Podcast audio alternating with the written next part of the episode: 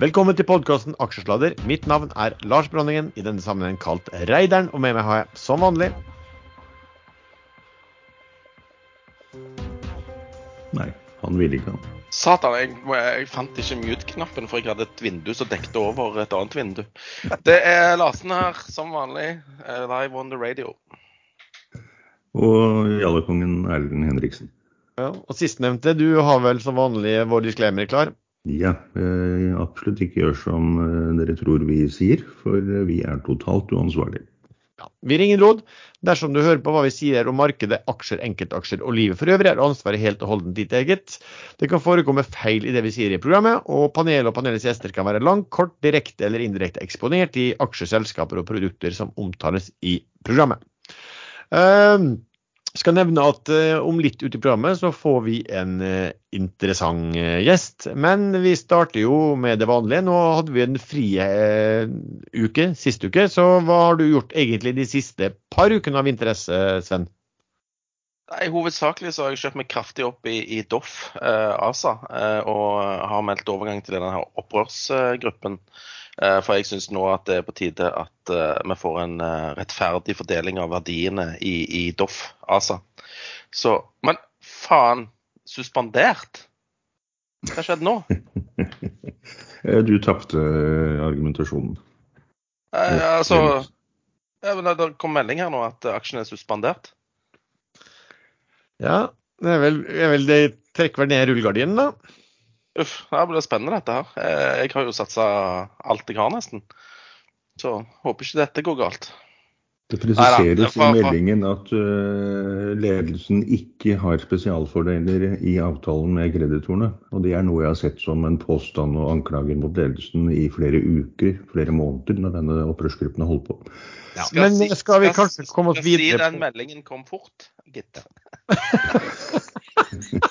Nei, det er fra spøk til revolver. Jeg har holdt meg langt unna Doff. Jeg har uh, småtraida litt eh, rundt omkring. Vært med i en emisjon i Norse.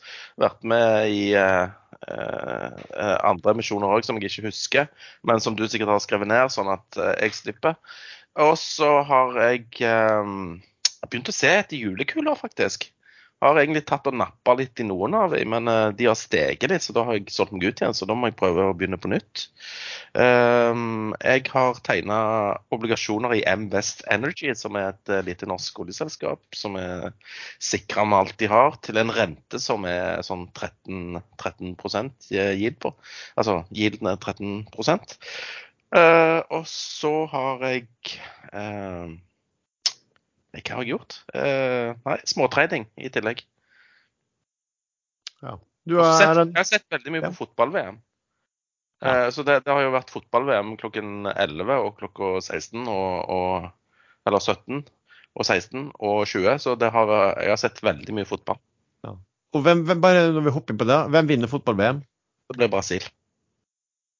Ok. Eh, Men Erlend, i hvert fall ikke du- ikke Tyskland.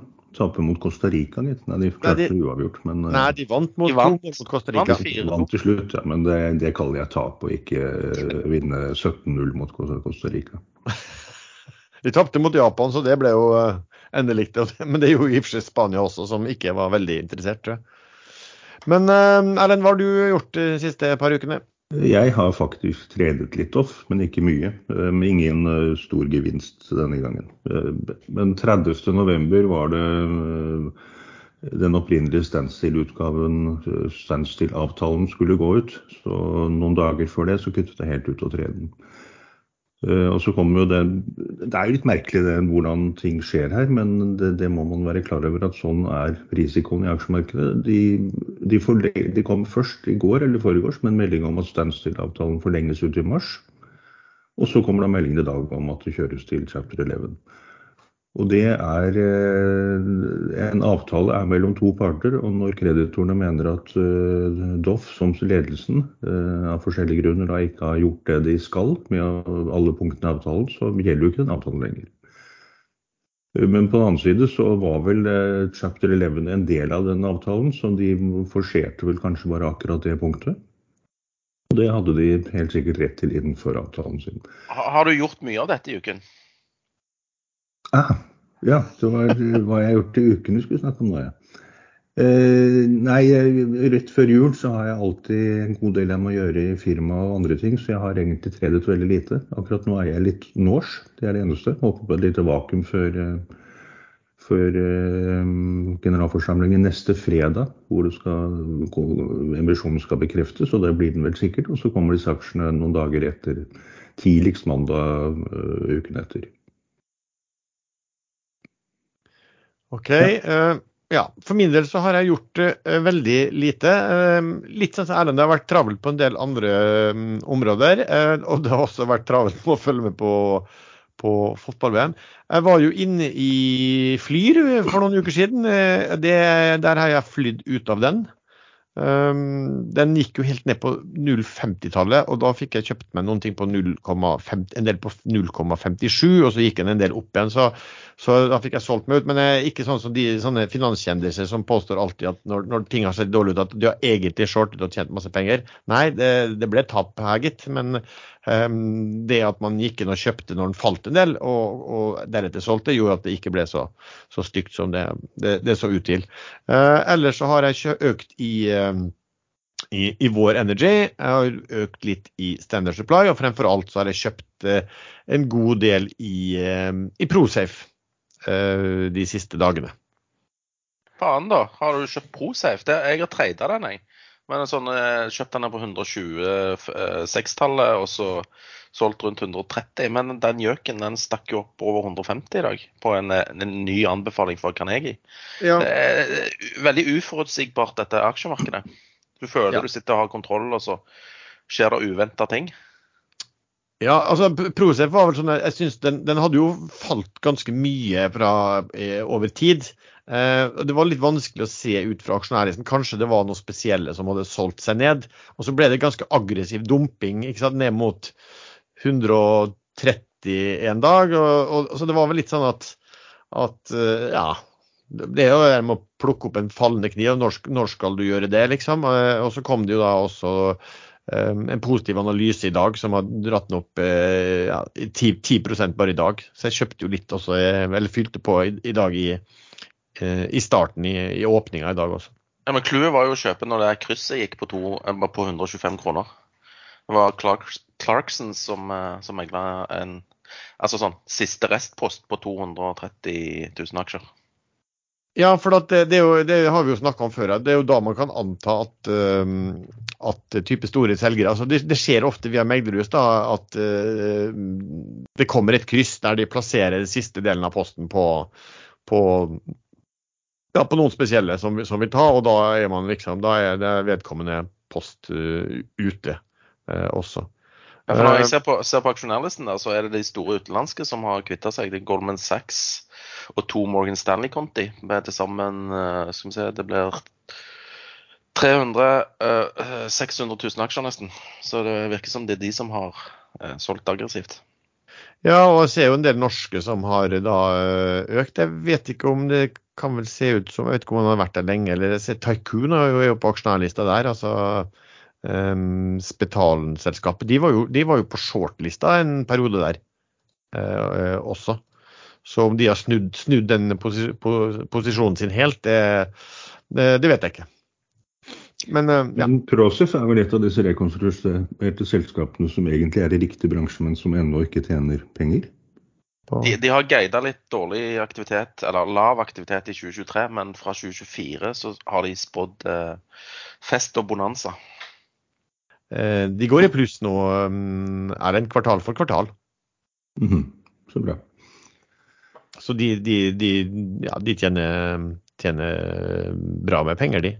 De tjente vel ja, 10 kroner per aksje i, i Q3. Nå kom jo Carnegie i dag med var det 280 eh, var vel noe sånt, 270-280 i kursmål, men var det Pareto som hadde på 400-tallet, var det ikke det? Eller var det Sparebanken igjen? Litt, litt usikker, ganske nylig. Emisjoner, nedsalg. Ja, jeg har uh, hukommelse som en uh, østers, så jeg husker at jeg var med i nedsalget i Adevinta på 70. Uh, eh, fikk det ut på 72,80, fikk kun 10% tildeling. Men pluss er pluss i disse juletider.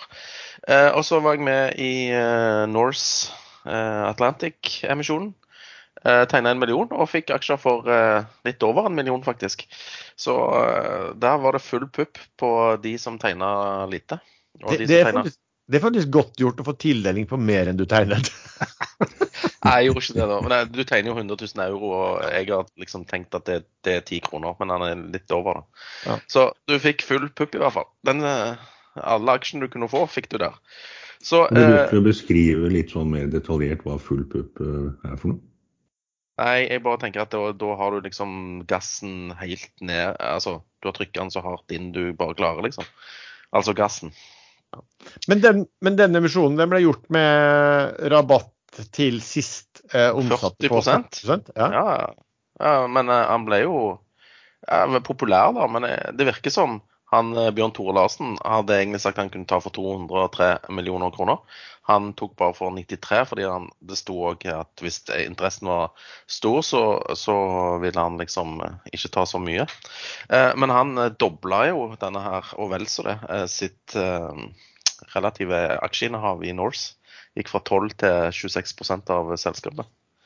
Så nei, jeg- har litt tro på Norse, faktisk. Men eh, kortsiktig så tror jeg kanskje at den kursen skal litt opp før eh, emisjonsaksjene kommer. Men så spørs det hvem som har tegna i den emisjonen, i tillegg til meg. Om de er veldig kortsiktige, eller om de er langsiktige og har tro på transatlantiske flyvninger. Ja, det kan jo være at en del kortsiktige i, fly, i flyselskapet har brent seg litt, da. Ja, det er jo det som er faren. at De tror at dette er et nytt flyr, og så bare dumper alt de kan på åpning. Ja, men jeg, vil, jeg ville tro at hvis de trodde det, så gadd de ikke engang å være med på Norse, de som var mest kort. Altså den, hele den bunten i Nei, ja. Det, det, det er litt sånn læringskurve her. Jeg vet ikke om den er, er bratt oppover, eller om den er svak oppover. Så du kan jo brenne deg to, to ganger, da. Før den tredje gangen så, så begynner du å tenke. Men du har ikke effektivt kvitta deg med, med eksponeringen da, via at du har fått lånt inn noe short? Jeg har lånt inn noen shorts, men han ligger jo på to, rundt 250, så jeg ser ikke noe Altså, jeg, jeg er egentlig positiv til han på 250, så jeg, jeg har ikke lyst til å selge der. Ok, Du skal ikke se bort fra at det kan bli en julekule òg. Jeg er bare inne sånn for en relativt kort trade, på en uh, forsøk. Jeg har jo kjøpt aksjer her på 250 og, og forventer at den stiger før de nye aksjene kommer.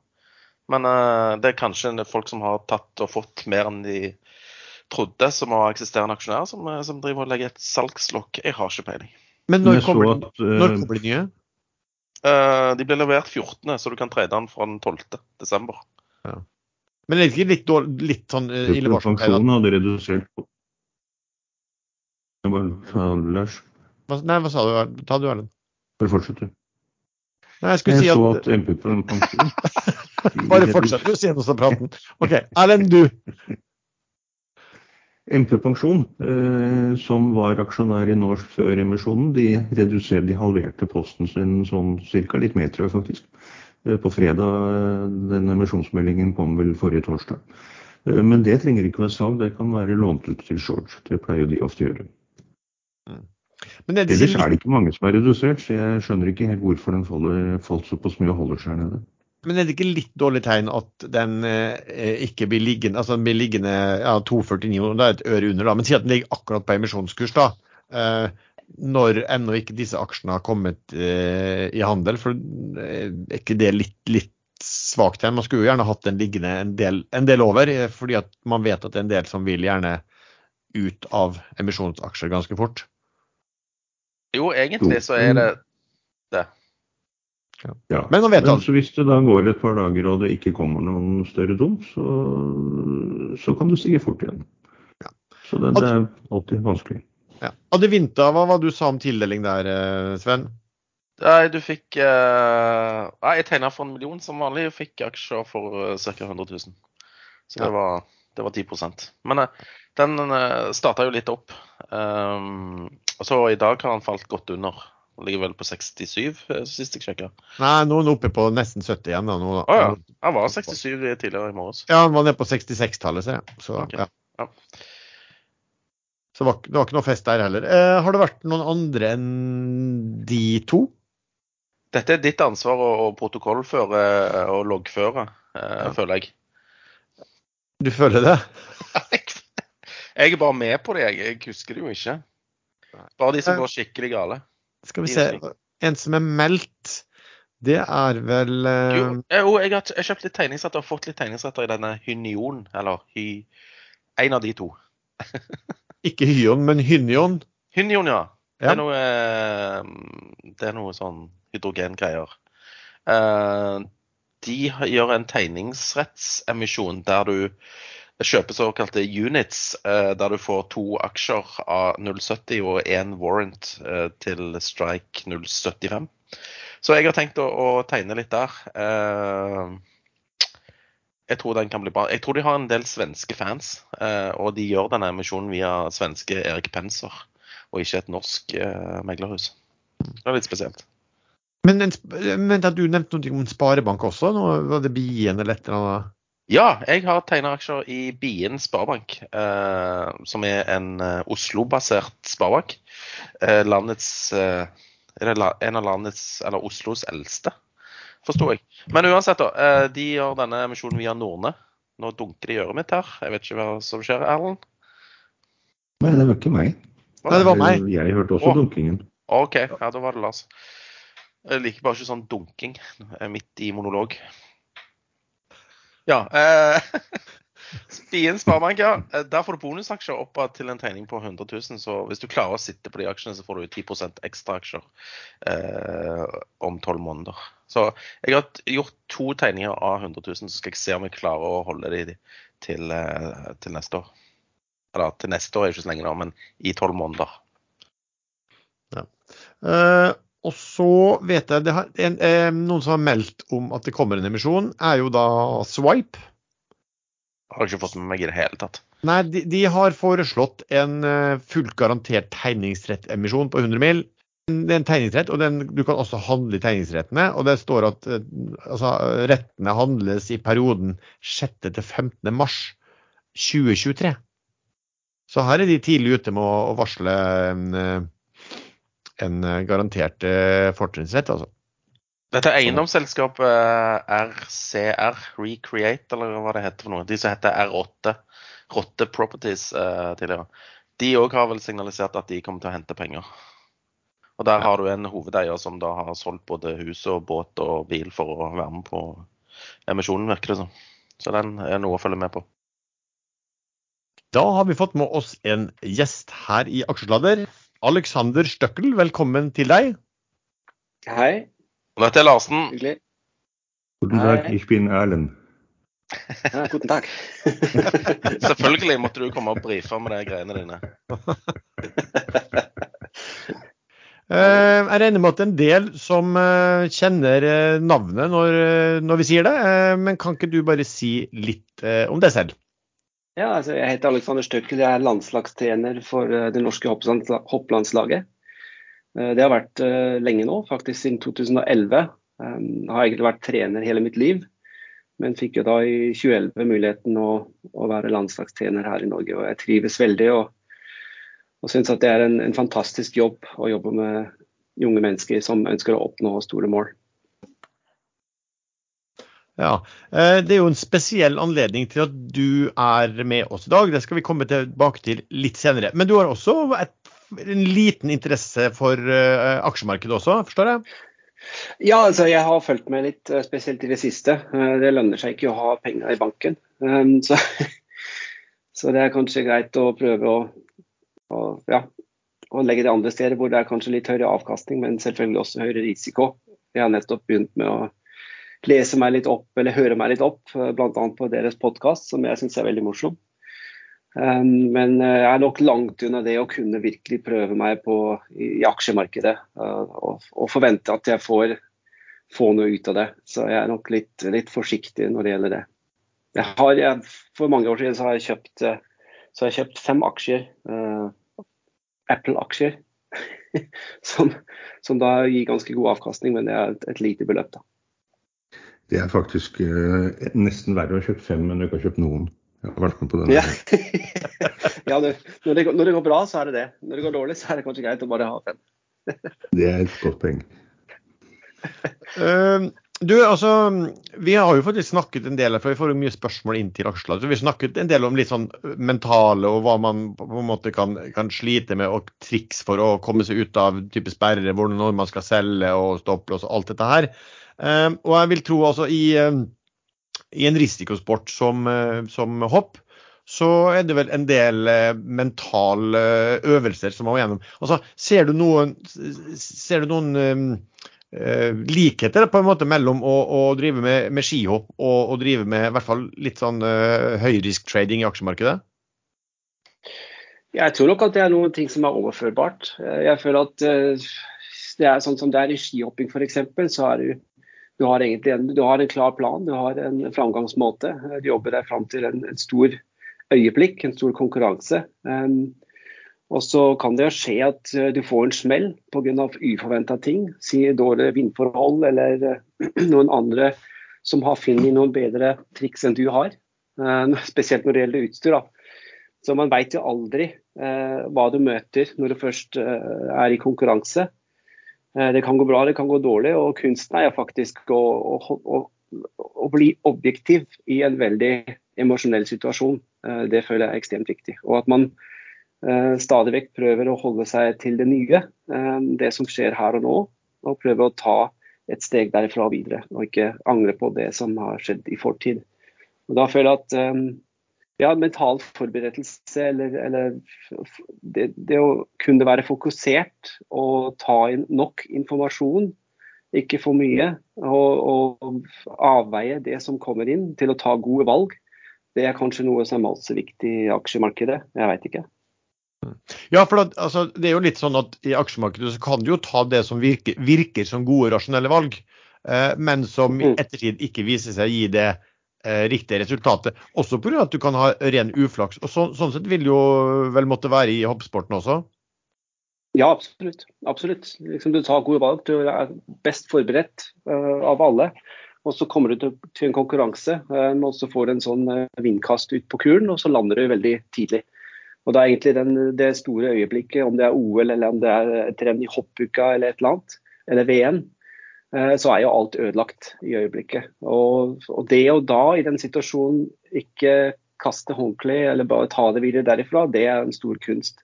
At man faktisk uh, vet at man egentlig har tatt riktige og gode beslutninger på veien, men uh, ble truffet av noe som var helt uforventet. Det skjer aldri med Sven, for han, eh, han, er sånn som stiller seg på toppen av hoppbakken og eh, går tilbake igjen rett før han sklir ned over ende. Nei, men, altså, hvis, du, hvis, du, ser på kurven på et skihopp, så er det jo, da går det først veldig bratt ned, flater mm. litt ut, går litt opp, men så faller det skikkelig. Og så mm. enten så lander du jamsides, eller så uh, tryner du. Så ja. det er jo oppskriften på suksess, dette her, da. Eh, ja. Jamført med aksjemarkedet? ja. Hvis du klarer å lande med et fint nedslag, så er alt i orden. Eh, hvis du ikke ja. gjør det, så Ja, Du må, være, det... må ikke være jamsides i nedsalget. Uh, OK, skjønner. Ja. men, men, men, vi er jo litt mer opptatt av å bruke bokløvstilen og komme veldig langt enn, enn liksom å få gode, gode stilkarakterer. ja, jeg skjønner. Her, hvis du klarer kombinasjonen, så er det jo enda bedre. Ja. Men du, altså det, det, jeg lurer på, La oss si at um, når du har hoppere som, uh, som kanskje har ramla stygt, eller som har vært uheldige med forholdene, typisk sånn som du kan oppleve på, på andre måter i aksjemarkedet. Altså, mm. har du noen, Er det noen spesielle triks du har for å få de til å på en måte glemme det og komme seg videre og komme i rett modus igjen? Hei, altså, det er kanskje ikke noe triks, det er egentlig bare at man tar den, gode, den, den, viktige samtalen etter en sånn hendelse og prøver å objektivisere det som har skjedd. Det er det eneste man kan gjøre. Altså, som sagt, ta ut emosjoner som, eh, som, dukker opp i første øyeblikket, eller som, som da er krevende også i ettertid. Og prøve å se uh, fra nå og fremover. Um, og ta, selvfølgelig ta med seg den erfaringa.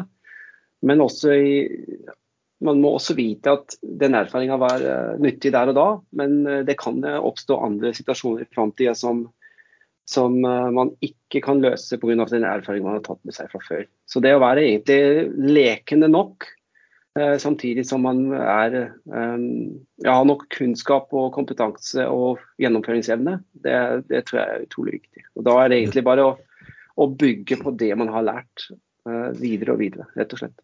Dette gjelder vel også de som vinner et hopprenn, at det kan være vanskelig å starte? Absolutt. Absolutt. Altså, er, altså, en stor utfordring er jo faktisk eh, at med en gang du har vunnet noe stort, så øker jo din egen forventning overfor deg sjøl. Og det er en stor utfordring. Men du er jo fortsatt, selv om du har vunnet et hopprenn, så er jeg fortsatt den samme, samme utøveren, og du har samme forutsetninger. Og det å vinne neste renn òg, det betyr at man må jobbe eh, minst like hardt, eh, hvis ikke mer, fordi de som uh, konkurrerer mot deg, de gjør akkurat det samme. Så det er alltid et, Du kommer jo aldri til et punkt hvor du er utlært eller hvor du er uttrent, at du er ferdig. Liksom. Du kan bare nyte uh, det du har, uh, har jobba for. Du må alltid være bevisst på at du er verdensmester én dag. Dagen etter så er det ikke det, for det er ikke noe konkurranse. Du blir kalt det kanskje til neste VM, men du er verdensmester den ene dagen. OK. Eh, over til noe mer eh, alvorlig, og den egentlige årsaken til at eh, vi fikk gleden av å ha deg med i denne episoden. Vi har hvert år en juleinnsamling, investorenes juleinnsamling, til det vi mener er et veldig godt formål.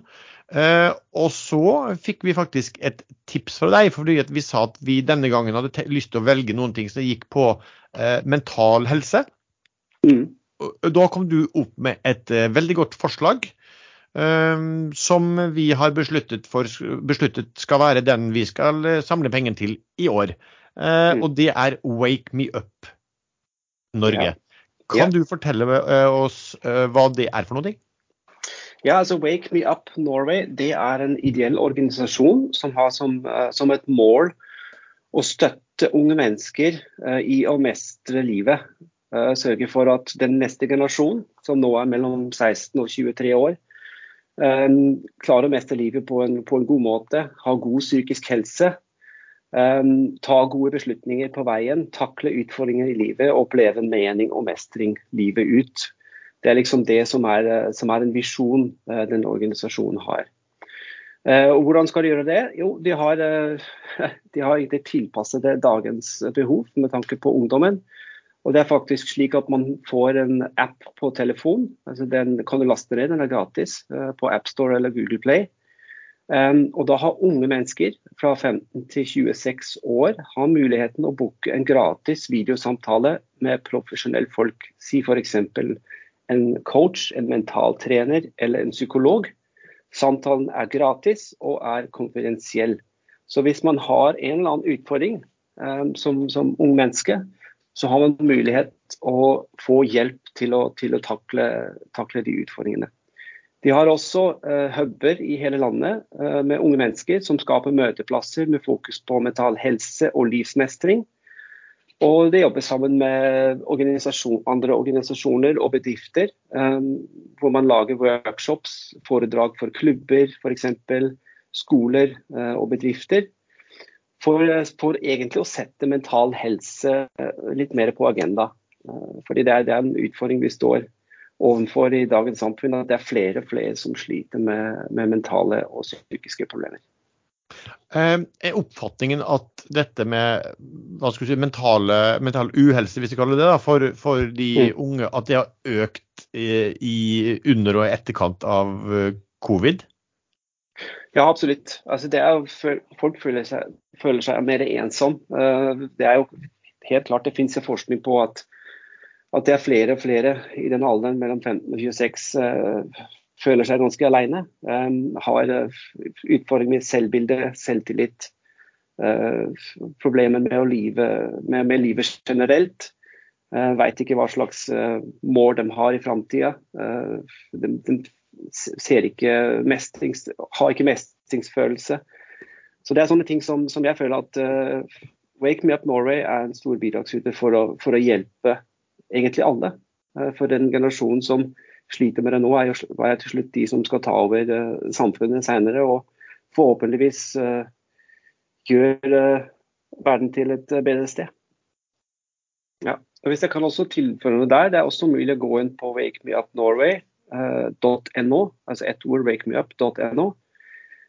Um, og da er det mulig å være medlem, altså bli medlem enten som individ, eller som familie, eller som støttemedlem, eller som bedrift.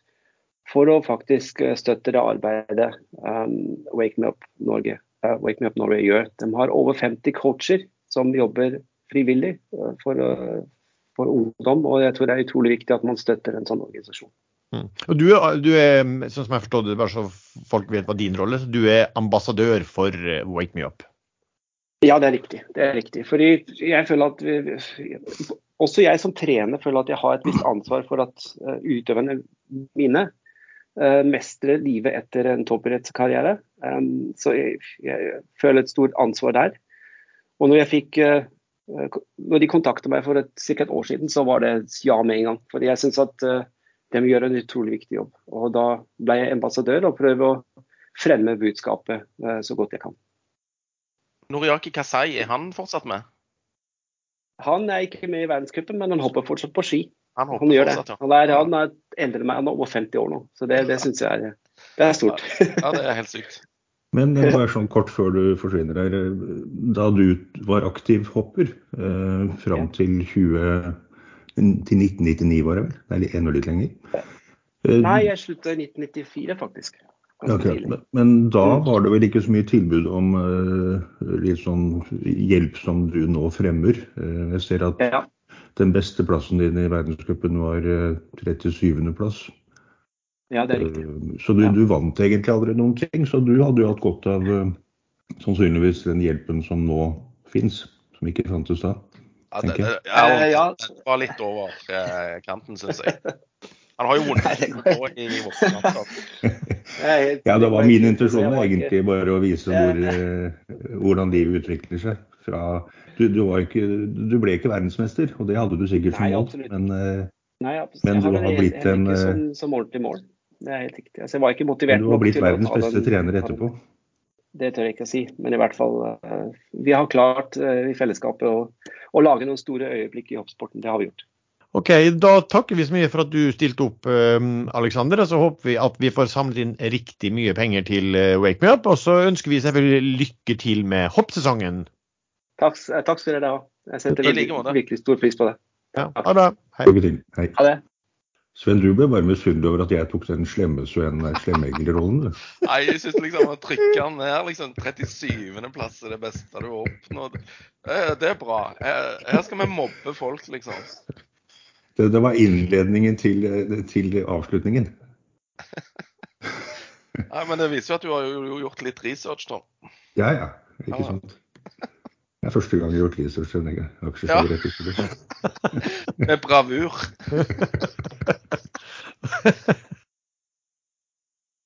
Så vi oppfordrer da alle lytterne selvfølgelig til å gi et bidrag til eh, årets eh, investorenes eh, juleansamling til Wake Me Up Norge.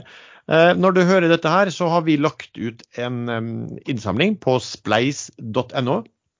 Og lenken til den innsamlingen den finner du i beskrivelsen til denne episoden. Vi kommer også til å legge det ut i Facebook-gruppen vår som heter podkasten Aksjesladder. Så gi så det monner til jul. I dag kom det jo en større nyhet. Doff, som nevnt, Erlend, den ble suspendert. Hva, du har jo fulgt mye på den. Hva, hva, er det nå som har skjedd i Doff? Der har eh, aksjonærgruppen eh, lagt press og innkalt en generalforsamling eh, 14.12. for å bytte ut styret.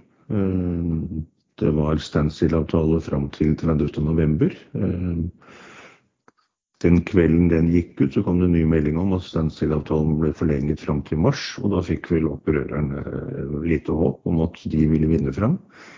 Men eh, en av hovedbegrunnelsene til eh, opprørsgruppens opprør, hvis man kan si det sånn, det er at de faktisk tror, er overbevist om, at Møxter og resten av ledelsen har sikret seg avtaler under hånden med kreditorene om at de skal få kjøpt en masse billige aksjer eh, fra rekonstruksjonen, og at det er derfor de, eh, derfor de har puslet på en eh, rekonstruksjon. Men det ble tilbakevist igjen i denne meldingen, og de skriver også at de har dokumentert og gitt løfter om at det ikke er tilfellet, at alle aksjonærene likebehandles. Så no, veldig mye av begrunnelsen for dette opprøret, den syns jeg egentlig ramler helt sammen. Det er ikke noe Aksjonærene, Da kursen var på rundt 60 øre, så ville aksjonærene sittet igjen med verdier for ca. 60 øre hvis de hadde godtatt 4% til aksjonærene-avtalen. Så her har aksjonærene bitt seg selv i halen til de grader. Nå får de ingenting, sannsynligvis.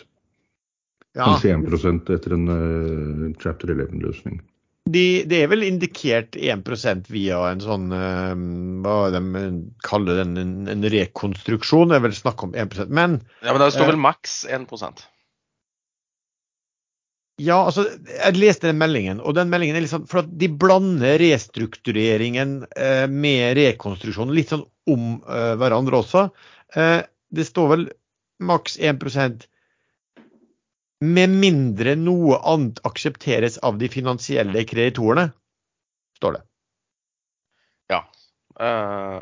Så, så, så, så, så det holder liksom en eller annen åpen. Men det spørs jo hvor, hvor interesserte de er nå. Også, Sven, hva, hva tenker du? De, de meldte da den eh, 30. for noen få dager siden at eh, de mm, utøkte tiden, altså standstill-tiden. Standstill betyr egentlig at, at långiverne i et, i et lån som ellers er misligholdt, eh, de påtar seg å ikke reagere, gjøre noe tiltre pant eller gjøre de tingene eh, i en viss periode hvor det skal skje ting. Um, hvorfor gjorde, eh, utvidet de den i eh, for et par dager siden, når, de, når, de dag, når selskapet i dag begjærer rekonstruksjon, og det skrives at det er på basis av eh, et brev de har fått fra, eh, fra kreditorene? Det er fordi denne chapter 11-løsningen vil ta flere måneder. Eh, koster for så vidt veldig mye penger også.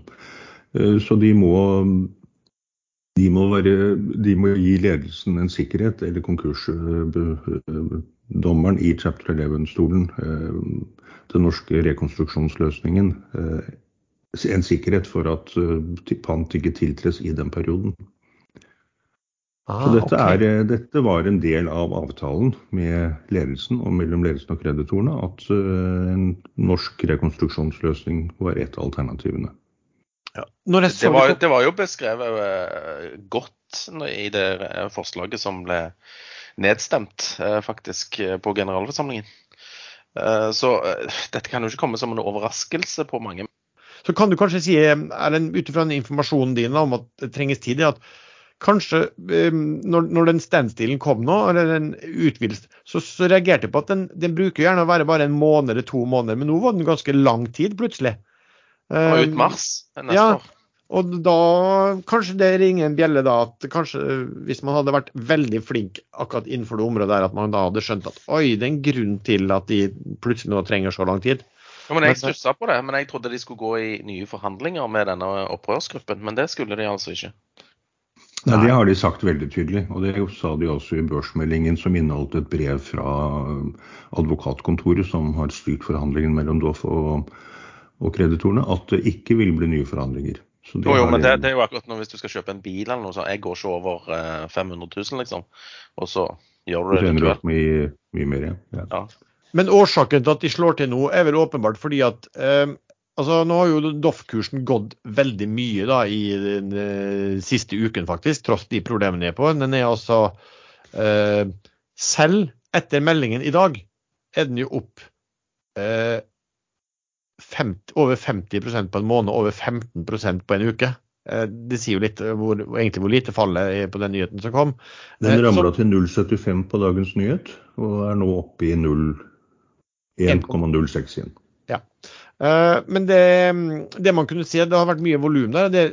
Ut ifra aksjonærlisten så kan det tyde på at disse aksjonærgrupperingene, eller aksjonæropprørene, eller hva man måtte kalle det, det tyder på at det er folk derifra som har kjøpt, seg aksjer, kjøpt, kjøpt uh, aksjer.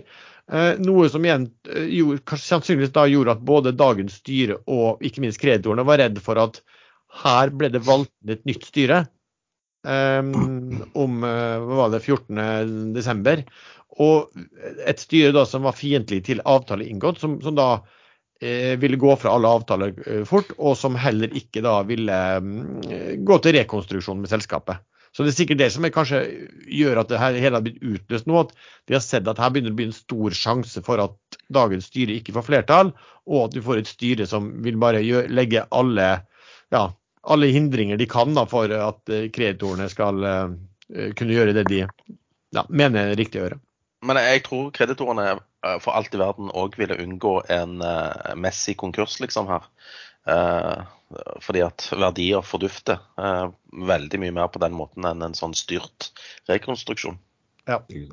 Og her må vel styre styret, ledelsen, gjøre noen grep for å få kjørt dette til rekonstruksjonsdomstolen. Så da valgte de å gjøre det nå, mens de fremdeles har kontrollen. Men uh, litt sånn for å forklare da at Doff faktisk er opp Hvor mye blir det? Det, det er mange 30% eller noe sånt fra fra bunnen i dag, det er jo ren vakuumtreding. Eh, for det, er, en kombinasjon at det er mange som ikke skjønner i det hele tatt hva som skjer. De vet, vet ikke engang at det kommer til en børsmelding. Eh, og så er det noen som pumper.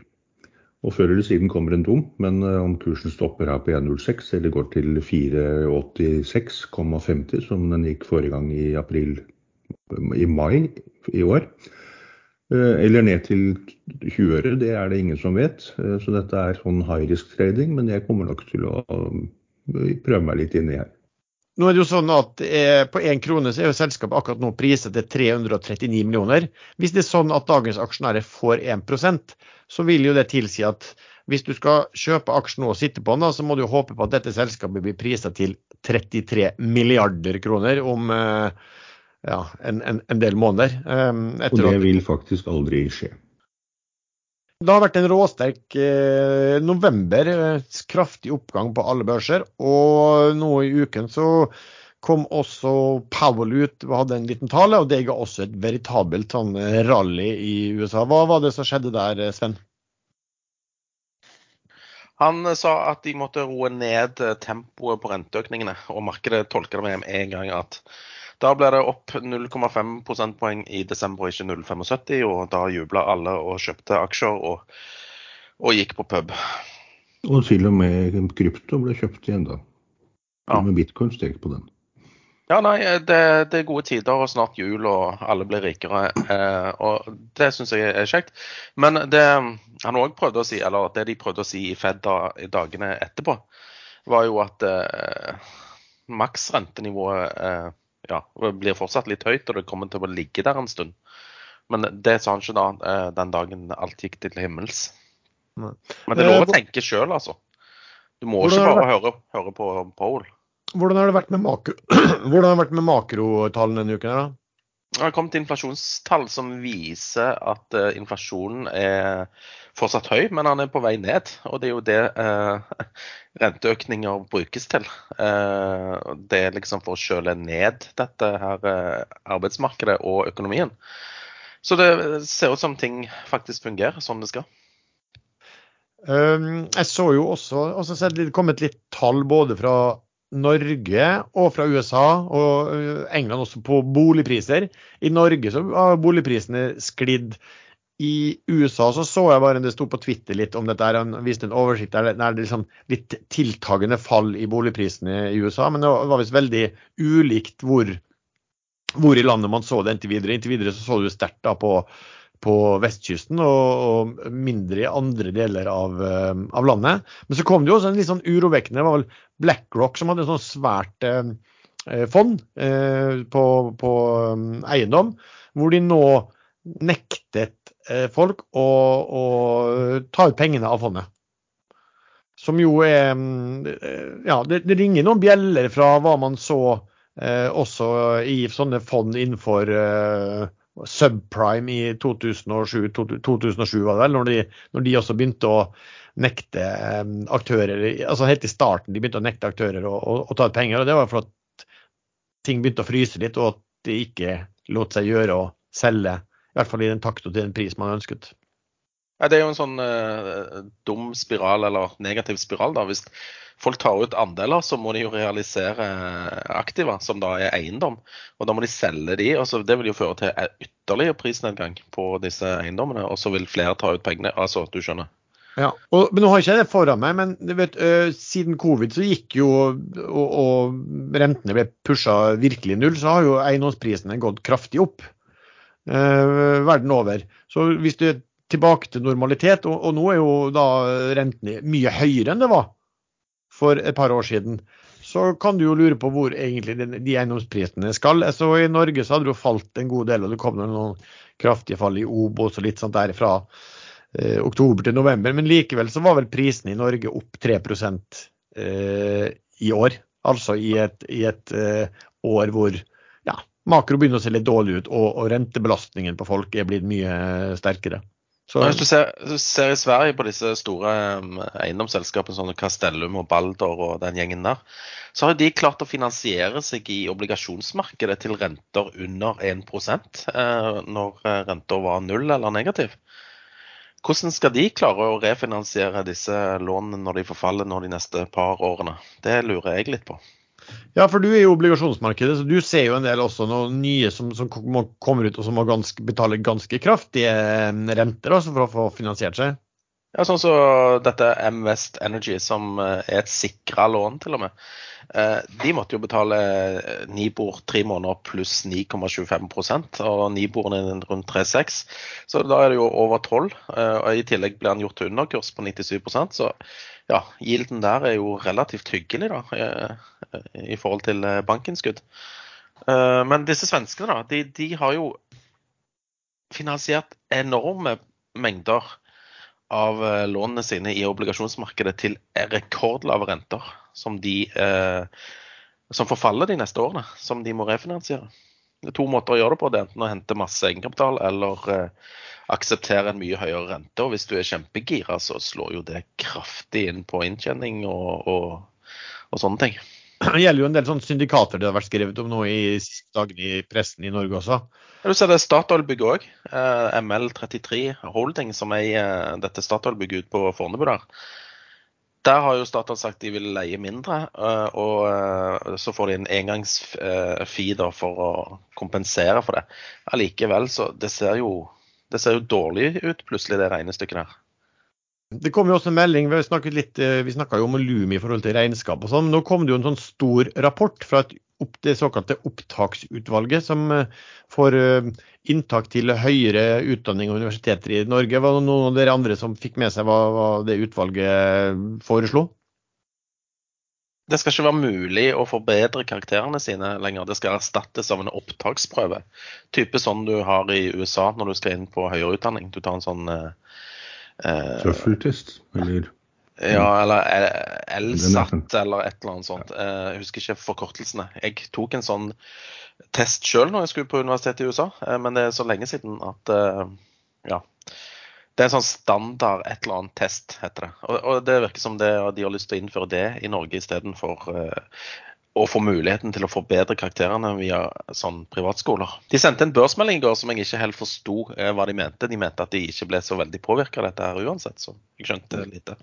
Ja, det var, det var litt, Den meldingen var litt, var litt, vanskelig å tolke. og I den grad de ble påvirka, så vil det her ikke gjelde før uh, ja, om et halvannet år. da, For det kommer neppe til å gjelde fra allerede jo, jo, men altså det, det, er jo veldig betryggende.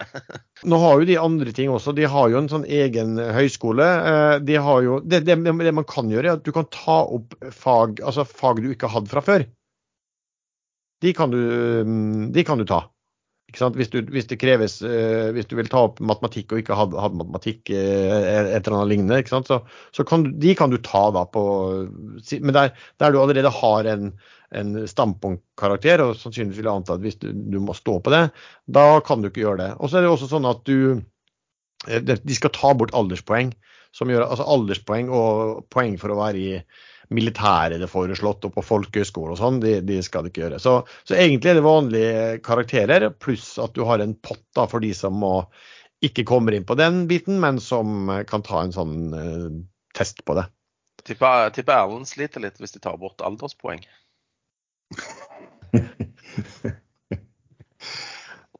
Ja, det er derfor. Du, jeg vet ikke om du var slem eller om det, det var jo rett og slett fakta, så jeg kan jo ikke ta deg på det. Nei, jeg syns det bare var et morsomt poeng. At ja. hvis du skal søke høyere utdannelse noen gang, utdanning Men jeg vil jo tippe da at eh, for Lumi, selv om det er sikkert kortere, så, så hvis det blir mange som skal ta opptaksprøver, så er jo det sikkert en, eh, en, en, eh, et område hvor den type Og det, det skrev jeg vel i børsmelding også, at det var et område hvor de Eh, hvor de også kunne bidra. Den, jo, men altså, hvem kommer ikke til å altså, Det er akkurat som det samme når du skal ta teorien på, på lappen, liksom, altså på sertifikatet. Det er jo så mange nettsider som tilbyr sånne øvingsgreier der, så det blir bare sånn én av mange. Jeg vet ikke, jeg, jeg, kan ikke det godt nok. Men det falt i hvert fall Lumi de falt i hvert fall 20 da på, på børsen i går. Og så må man si at Det er et forslag da som skal ut på høring, men de, de tilbakemeldingene fra regjeringen sånn umiddelbart eh, var vel ganske gode. Så det, det kan nok godt være at mye av det her blir innført. Ja, men altså, Hva er det de holder på med? Først denne grunnrenteskatten. Greit nok ideologisk sett, men å innføre den, dette har vi snakket om tidligere, eh, bare banksmokk over natten. Og så nå kommer dette her òg. Det virker som de skal ta alt som eh, tjener greit med penger i det private næringslivet. Jo, men det er jo, nå er det jo høyreregjering som, eh, som lanserte dette utvalget for å vurdere dette her, da. Ja, nå skal du alltid komme og ødelegge med fakta. ja, det var Høyre som lanserte utredningen for, om lakseskatten òg. Så, så, dette har jo ligget jo, men de, de la, mye av dette. Høy, Høyre la det i skuffen. Altså, og så låste de den skuffen, og så kasta de nøkkelen. Ja, det var vel egentlig fordi noen andre partier, støttepartier til Høyre ikke ønsket det, tror jeg. Men uansett, det er eh, Vi går videre. ja. Ehm, vi har fått mye spørsmål. Et, et, spørsmål er jo Nå har det jo vært eh, det vi nesten kan si er julekule tendenser. Altså Folk har begynt å spekulere i eh, at den og den er julekuler, og, og, folk begynner å skrive at DNB har de og de som julekuler. Bortsett fra at DNB har bare satt opp en liste over hva som er de som har gjort det dårligst på hovedindeksen og på OBX, eh, og at man ofte plukker derfra. Ehm, men folkens, hva med våre forslag til, årlige forslag til julekuler. Hvordan ligger vi an? Jeg ligger litt dårlig an, føler jeg. Ehm, jeg har sett på den uh, rangeringslista year to date, liksom, hvem som har falt mest og sånn. Men uh, for meg så blir det viktig å plukke ut de som ikke har et sånn kapital, uh, snarlig kapitalbehov. Men på den annen side så kan det jo være lurt for de som har et snarlig kapitalbehov, å få kursen sitt pumpa opp. Men uh, lytterne må vente til neste uke for å få fasit. Ja. Du Erlend, begynner du å bli klar på, på dine? Nei. Eh, må se hva som eh, det, det, er så mange som spekulerer i hva som blir julekuler. Både våre julekuler og DNBs og andres. At de, mange av de har allerede begynt å gå. Det blir ferskvare. Ja, men det blir som sagt eh, Julekuler og nyttårsraketter, den episoden kommer da neste fredag. Skal vi se, vi jeg vurderer fått... faktisk om jeg skal ta uh, julekuler fra børsen i Zambia. For det er det ingen andre som har uh, ødelagt allerede. Nei, det er sikkert ikke lett å kontrollere aksjer. Det er sikkert lett å manipulere aksjekursen også. Så du, du, har virkelig tenkt å vinne i år, da? Ja, jeg må jo det. Sven tok jo rotta på meg i fjor eller forfjor. Han gjør det vel hvert år, tror jeg. Nei, nei. Sven vant ikke i fjor. Nå, nå, nå skal Lars torpedere med fakta igjen. her, her var det litt interessant som kom inn. Uh, det er mye skriving på sosiale medier, og folk liksom nærmest anbefaler å hause opp kurser og sånn, uh, aksjer. Hvordan, er det noen tips på hvordan skal man se om noen prøver å lure meg inn i en aksje via skriving på sosiale medier? Har du noe forslag, eh, Sven? Uh, en gang til. Hvordan skal vi finne ut om noen prøver å lure deg på sosiale ja. medier? Hvis en leser på sosiale medier og ja. skriver en aksje. Altså, Si du er på Twitter f.eks. og har masse følgere. Uh, og du snakker uh, kun om illikvide småaksjer som har Eh, er underanalysert, undervurdert og eh, har en kø av svenske investorer som er på vei inn, da skal du eh, trå varsomt. Det vil jeg Da vil jeg ikke kjøpt de aksjene der. Jeg blir ofte beskyldt liksom for Jeg kjører en litt annen taktikk når jeg er inne på ekstrainvestor f.eks. Jeg sier at de må selge de og de aksjene. Men nå har folk begynt å, å, å, å gjennomskue meg. At uh, når jeg sier at de må selge, så, så, er jeg på vei inn, liksom. Og, og, det er jo ikke riktig. Det kan jeg i aller høyeste grad avkrefte. Det ville, uh, ville ikke vært en fremgangsmåte jeg ville brukt noensinne.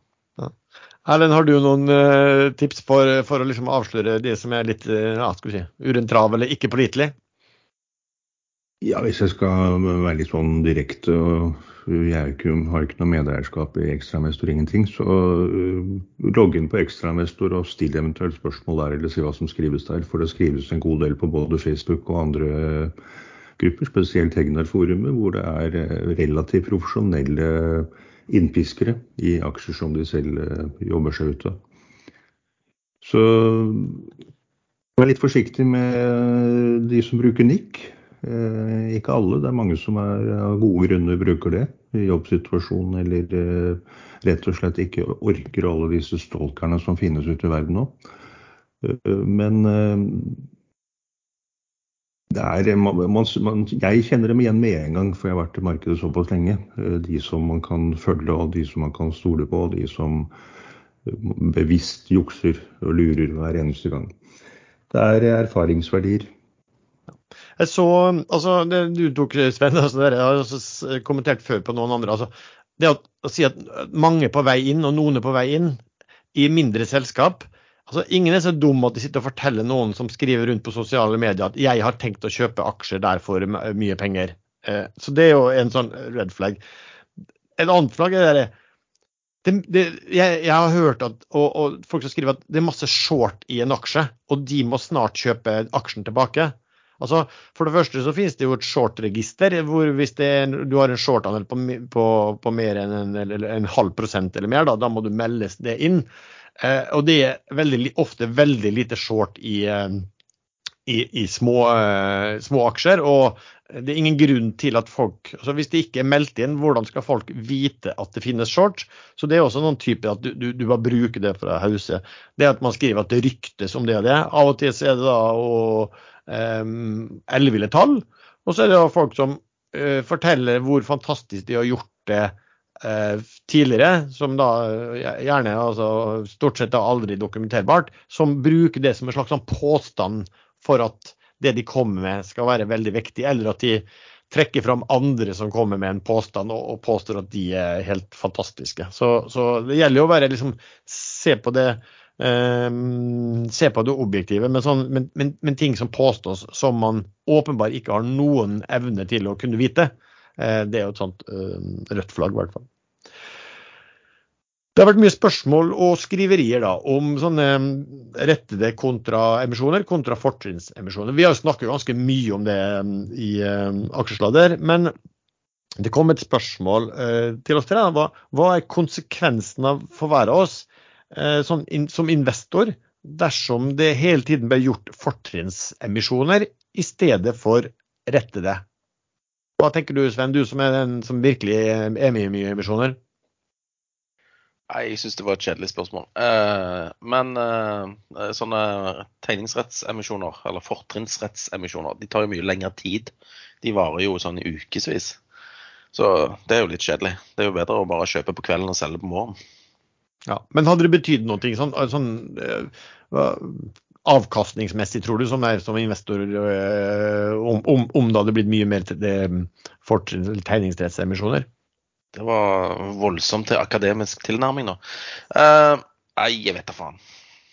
Du Erlend, betyr det noe for deg? Nei, jeg treder jo stort sett rundt emisjonen. Du er jo aldri med. Du må ha sånn skjemaskrekk eller noe, for du er jo aldri med på noen ting.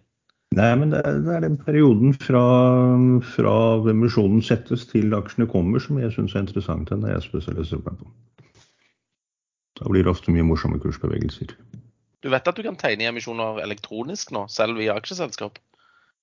Jo, men eh, hva hvis, eh, hva hvis eh, Biden får et illebefinnende og aksjemarkedet ramler 30 eh, før disse emisjonsaksjene kommer. Det, man vet aldri hva som skjer. Og da må du ta disse aksjene. Det har jo ikke du tenkt på, Sven. Kanskje gå rundt og bekymre meg for, eh, for alt mulig skal skje. Jeg også tror ikke aksjemarkedet faller 30 eh, hvis Biden gjør, altså faller i en trapp eller noe. For det pleier han jo å gjøre hele tiden. Men når det gjelder med emisjoner, for min del da, så tror jeg ikke det hadde betydd noe som helst som eh, investor. Jeg er jo ikke med på så mange. Eh, det, det, som ofte skjer, også som man kan tenke på på type fortrinnsemisjoner, er at ofte da setter man kursen ganske lavt. Eh, men den kursen her tenderer jo til å bli litt sånn altså, Emisjonskursen da tenderer til å være litt sånn fluepapir på, den, eh, på markedskursen også, så den faller ned dit. og Det gjør jo ofte at hvis det er, en, en, en, altså hvis det er tegningsretter som noteres, så blir ikke de all verden verdt. sånn at ofte så kan det være en god anledning for andre som vil inn, faktisk at det gjøres en um, fortrinn også. For kursen faller ganske mye på fortrinnsretter. Det, det, jo, det er jo som Sven det tar litt tid uh, å få gjort de, og, og, da sitter alle og vet at OK, det skal gjøres på sant? Hvis du skal gjøres på seks kroner og kursen er ti, så, så, er det ikke veldig stor interesse for å kjøpe den aksjen på ti, for å si det sånn. Og da, da, da bare glir det litt. Hva synes dere om den nye dubbingen i Tre nøtter til Askepott? Sven, Erlend, du har sikkert eh, store synspunkter på det. Du har vel sikkert sett den siden ja, tidlig 1900-tall? Ja, det har jeg faktisk. Jeg hadde en, eh, eller jeg har en datter som eh, skulle se på den opprinnelige tsjekkiske filmen hvert eneste år. Men er det ny dubbing? Er det ikke? De har ikke dubbet den på nytt. Det er jo ødelegge tradisjoner. Det skal jo, jo være sånn. Tydeligvis, tydeligvis, ifølge den som spør oss, så er det tydeligvis sånn. da. Det er, noe som får det, ja, du får deg til å miste litt nattesøvn av det. Ja, men du er, ganske, du er ganske interessert i sånne julefilmer da, når du ser de eh, før desember, liksom. Eh, dette er noe du ser på på julaften. Så Ikke sant? Eh, derfor liksom vil det nok bli at julekvelden Nei, hvordan er det der med skjæringer og julekvelden? Den kom som skjæringer på julekvelden, eller noe sånt. Så vi får sikkert en kanskje? Ja. Vi får kanskje en opplevelse på julaften når vi ser den. Oi, er det en nydubba versjon? Det var jo At skjæringa kommer på julekvelden er noe helt annet, Sven. Det, det, det, er julenissen som pleier å komme på julaften, Erlend. Og ja, det også. Ja. Og der ligger du godt an. Du, du, julenissen og kjerringa? Nei, men uh, rart spørsmål å, å stille i en aksjepodkast, syns meg, da. Ja.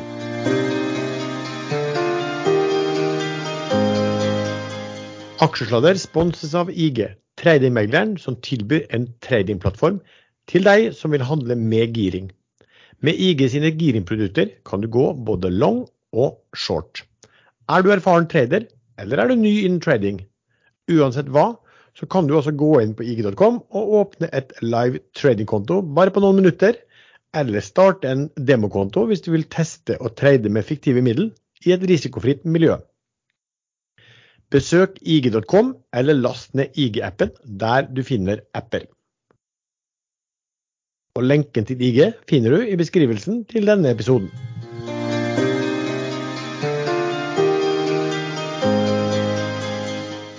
Ja, Et annet spørsmål. Ehm, hvilke sektorer ser spennende ut for i 2023? Noen som har noe Jeg har jo, jeg er fremdeles like sikker på at det er litt annet. da. Eh, romfart kommer til å bli det nye tech-segmentet, men det har ikke kommet ennå. De har falt og falt, disse aksjene. Service og sånn, det er jo veldig hot nå, men uh, ting kan jo endre seg ganske fort også der. Ja, ikke, det er jo syklisk, så man skal ikke være sånn veldig påståelig på, på sykliske. Sven, har du nei, nei, det var et godt, godt, spørsmål. Jeg skal faktisk være med i dette julepanelet til Finansavisen neste fredag, tror jeg det var. Uh, og, og da, må jeg, da, må jeg, tenke på sånne ting. Så jeg har ikke begynt å tenke ennå. Så kanskje neste uke. Da kan vi tenke på det. Da kan vi, Når vi snakker om julekuler, så kan vi tenke litt uh... jeg, jeg, ble bedt om å komme med konkrete aksjeanbefalinger òg, holdt jeg på å si. Uh, så hvis noen har noe de brenner for, så er det bare å ta kontakt. bare vippse? ja, den var god. Ja. Morsom, du. Bare vippse 10 000 til Svein Egil Larsen, så er jeg med, med, med i betraktningen i alle fall. Da, da, da, da, skal jeg vurdere det. ja. nå, sånn, nå, hørte jeg en sånn pipe-alarm i bakgrunnen her. Jeg tror det var PST og Økokrim som uh, logget seg på linjen her nå. Ja, ja. Nei, men det ble morsomt, det. Vi har fått et spørsmål fra en lytter som spør om er rigg fortsatt digg. Hva tenker du, Sven? Rigg er vel alltid digg, er det ikke det? Bortsett fra når oljeprisen er, er stygg. Men nei, vet du hva, jeg har kjøpt aksjer i null igjen. Jeg snakket jo om den for noen uker siden og sa at de har et kapitalbehov. Men eh, det kom sterke føringer i Oddfjell Drilling sin Q3-rapport om at Mira øyeblikk får en kontrakt, og alle vet jo at den skal til Namibia på, på nyåret. Men eh, de sier at de håper å kunne annonsere en, eh, en kontrakt for Mira, og at den skal utenlands. Så jeg, jeg bare tatt noen aksjer der og tenker å selge de når eh, kontrakten blir annonsert. Jeg tror den kommer relativt snart. Mm. Spennende. Men eh, bortsett fra rig, andre rigg-selskaper, så er jo ratene på oppadgående, og det er enorm optimisme i bransjen. Så hvis ikke noe uventa skjer eh, sånn geopolitisk, så tror jeg det blir hyggelig for rigg-eiere framover. Ja, altså Jeg så vel bare at det, det er veldig drag i Midtøsten f.eks. På, på riggsiden. Og så var det vel noe snakk om at altså, USA begynner jo å åpne litt opp nå for Venezuela. og Der var det også snakk om noe sånn er faktisk offshore. De har vel veldig mye onshore, men det var snakk om offshore eh, Venezuela også. Så det er kanskje noe, et område som, som, kan tilkomme. Samt at Petrobras økte anslagene sine på hvor mye de måtte bruke på på leting og produksjon eh, framover. De høya, Capexen sin ganske bra. 15 tror jeg. Ja. Men det gjør de også. Nå, jo, nå hadde jo kom vel Aker også med, Aker BP også med noe sånn eh, eh, beslutning om utbygging eh, av noe felt i dag. og De, også, de øker jo også Capexen. og Det er jo tydeligvis fordi at det, det er inflasjonsprispress inflasjonspress, prispress på leverandørleddet sitt deres også. Som jo ja, høres jo bra Men, ut. Men eh, er ikke dette litt sånn engangsgreier at det skjer nå før nyttår i år? Eh, er ikke det noen sånn skattefordel et eller annet som gjør at oljeselskapene må ha satt i gang et eller annet før nyttår? Ja, jeg tror de må levere inn en sånn utbyggingsplan ikke noe sånt, før nyttår for at det skal gjelde i den derre ikke sant? Så etter nyttår så kan man risikere at det blir en lengre tørkeperiode på nye planer. Ja, på planer, ja. Men du må huske på at det som er levert inn nå, dekker jo faktisk ganske mange år framover. Ja, absolutt. Det er jo også grunnen til at regjeringen faktisk kan la SV styre rundt med å nekte nye letterunder. Eh, fordi det er så mye som skjer på norsk sokkel uansett. At eh, det har ikke sånn veldig stor praktisk betydning. Nei. Uh, og Det er også et spørsmål her, hva stigende eller svingende oljepris rett og slett, hva det stod, Hva, hvilken påvirkning vil det ha på leting og seismikk og ja, undersøkelser generelt sett? Nei, Jeg vil jo tro at den, eh, altså, den, bestemmelsen fra SV der gjør at seismikk blir litt mindre hot i Nordsjøen i hvert fall. Og Barentshavet. Ja, det høres jo naturlig ut, det. Um, alt annet like så er, det, så er, jo det, negativt for det uh, området, i hvert fall. Uh, ellers er det vel sånn at det er vel I disse dagene så fastsetter vel uh, oljeselskapene, eller kanskje de har gjort det allerede, um, budsjettet sitt for uh, 2023. og Da er det jo interessant, altså de, de, vil jo alltid snegle til hva oljeprisen og hvordan det ser ut på, på oljepris også. Altså Svingende oljepris den har jo svingt en del på året, men, men altså, den har jo vært må vi si at den har vært eh, svingende høy på en måte. altså Den har vært veldig høy. Og, men den, altså, den, er jo nå er den brent nå på en 80 87-tallet. Ja, det er jo et veldig bra tall for, eh, for uh, selskapene, som de er sikkert veldig fornøyd med. altså De, de budsjettene de har på, på når, når, de beslutter om utbygging og sånn. Jeg tror Petrobras var på sånn 55 dollar eller noe sånt. Det, liksom, det, det må de tåle for at de skal Eh, at de skal eh, beslutte utbygging. Hvis man kan snakke om trend, da, så er oljen i en ganske tydelig nedadgående trend siden juni i år. Hvor den da var på 125 og nå er på 87. En som ønsker å høre om tredagersregelen med fallende kniver? Uh, når det kommer en nyhet som påvirker en aksjekurs i veldig stor eh, grad, så skal du ikke ta og kjøpe den eh, den første dagen i fallet. Du skal vente til dag tre, for typisk begynner det da å tynnes ut med selgere. Eh, det er bare en observasjon som, eh, som folk har gjort gjennom årtier, vil jeg si. Så ikke kjøp eh, første dagen. Eh, er vel hovedregelen. Ikke andre dagen heller, men på tredje dagen kan du begynne å kjøpe. Ja. Og når mange nok tror på det der, så blir det jo litt selvoppfyllende òg. Ja, ja. Det er jo derfor det virker. Men det har ikke virket så godt i det siste um, året, par årene vel? Har det det? Ja, dag tre, dag fire, dag fem. Husk Eller dag to? Husk, ja, ja. Husk counting, liksom. Jeg vet ikke om noen har gjort noe har gjort noen uh, vurdering på det. Det kunne vært interessant som studie, faktisk. Hvis noen av disse høyskolekandidatene hører på her, så kan de jo ta gjøre en empirisk undersøkelse på det. Og kanskje vinne fredsprisen i økonomi. Jeg skulle sa fredsprisen i økonomi. Fredsprisen, ja. Den har jo jeg tinga på på vakuumteorien min. Ja, men jeg, jeg føler at du blir aldri nominert. Selv ikke av oss. Det er, eh, det er litt skuffa. Ok, Hvis det ikke er noe annet dere har å, som dere vil ta opp, så kan vi jo ta hva som er ukens eh, favoritt. Kommende ukens favoritt. Eh, Sven, hva med deg? Um, jeg har to, men jeg skal fatte meg i korthet, for det er veldig enkle case. Null på at det blir ehm, annonsert en kontrakt i løpet av neste uke. Eh, og nummer to, eh, Norse Atlantic, at den blir pumpa litt opp før emisjonsaksjene kommer, eller er tradable den 12. desember. Det er ja, kun de to, og det er på de to triggerne som jeg nevnte. nevnte. Så nå tror du, du, du tror det, det kommer på kort sikt ut fra hva du har lest fra eh, Oddfjell?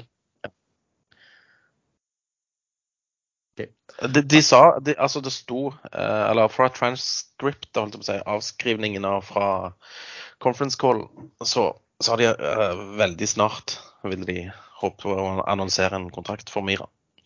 Men altså, alle vet at de må hente penger, men eh, av en eller annen merkelig grunn så går jo aksjen til himmels når de annonserer nye kontrakter. Så jeg håper det skjer denne gangen òg. Erlend, hva med deg? Ja, eh, jeg har kanskje ikke lyst til å snakke noe særlig om eh, norske favoritter, i og med at det blir eh, julekuler neste uke. Så ikke ødelegge for det. Men USA-noterte Freyr, batteriselskapet til Gjelsten, han er vel fremdeles stor aksjonær, de hentet inn over to milliarder kroner bare sånn swap på en kveldstime bort til USA. eh, Og har da de pengene de trenger en stund. eh, På kurs 11,50, eller jo 11,50 var det vel, i dollar.